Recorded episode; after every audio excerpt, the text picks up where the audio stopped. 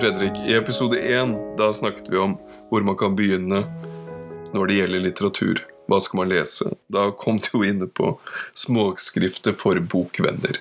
Ja, ja, ja, det stemmer. Det, altså, det, det, er jo mange mange måter å begynne på. Det er mye litteratur, men, men, jeg var inne på at det er et veldig godt sted å starte. Og det mener jeg virkelig. Det er et, det er et veldig godt sett. Eh, masse interessant lesning, og nå har vi faktisk lagt ut eh, et par helt komplette sett med nærmere 90 hefter eh, på hjemmesiden. Så hvis du går inn der, så kan dere også se hva hvert enkelt hefte inneholder. Så får du et innblikk i, i hva det er. Bokprat en podkast fra Antikvariat Bryggen for deg som samler på bøker. Så i dag tenkte vi å snakke litt mer om anbefalt litteratur for samlere. Så Fredrik, er det noe av nyere dato som finnes, ikke førkrigs? Ja, det, hvis vi hopper framover noen år, så, så, har vi det store bokprosjektet til advokat og boksamler Cato Schjøtz og antikvarbokhandler Bjørn Ringstrøm. Norske førsteutgaver. Det er et fantastisk referanseverk. Det er enestående i verden, vil jeg påstå, når det gjelder å samle en oversikt over sin nasjonale litteratur mellom to permer. Ja, nå må jeg bare bryte inn her og forberede lytteren på at Fredrik er åpenbart i flow, så vi vil sikkert få en ganske lang monolog. Men please, heng med. Hva? Hva? Jeg liker, jeg, liker, eh, flytende monologer, David. Ja, takk til deg, Fredrik. Fortsett. Den første utgaven kom i 1990 i det hendige formatet ringperm. Her var det 50 forfattere. og Det var da en oversikt over alt forfatterne hadde skrevet. En liten biografisk skisse innledningsvis, og, og litt rundt varianter og utgaver av, av, av det de har skrevet. I 1993 så ble den utgaven supplert med 34 forfatterskap til i det enda mer hendige formatet løsark. Herlig.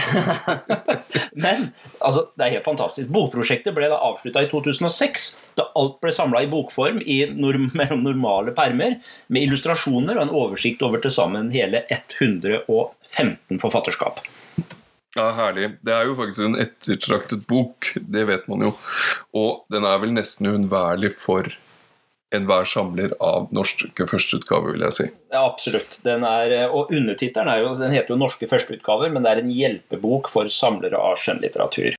Nettopp. Men som all bibliografisk litteratur så blir den jo fort utdatert når ny informasjon tilkommer. Så Ja, ja det, det er, jo det er riktig. Um, og Derfor har jo nå norske førsteutgaver blitt en uh, nettressurs som kontinuerlig oppdateres etter hvert som informasjon uh, tilkommer.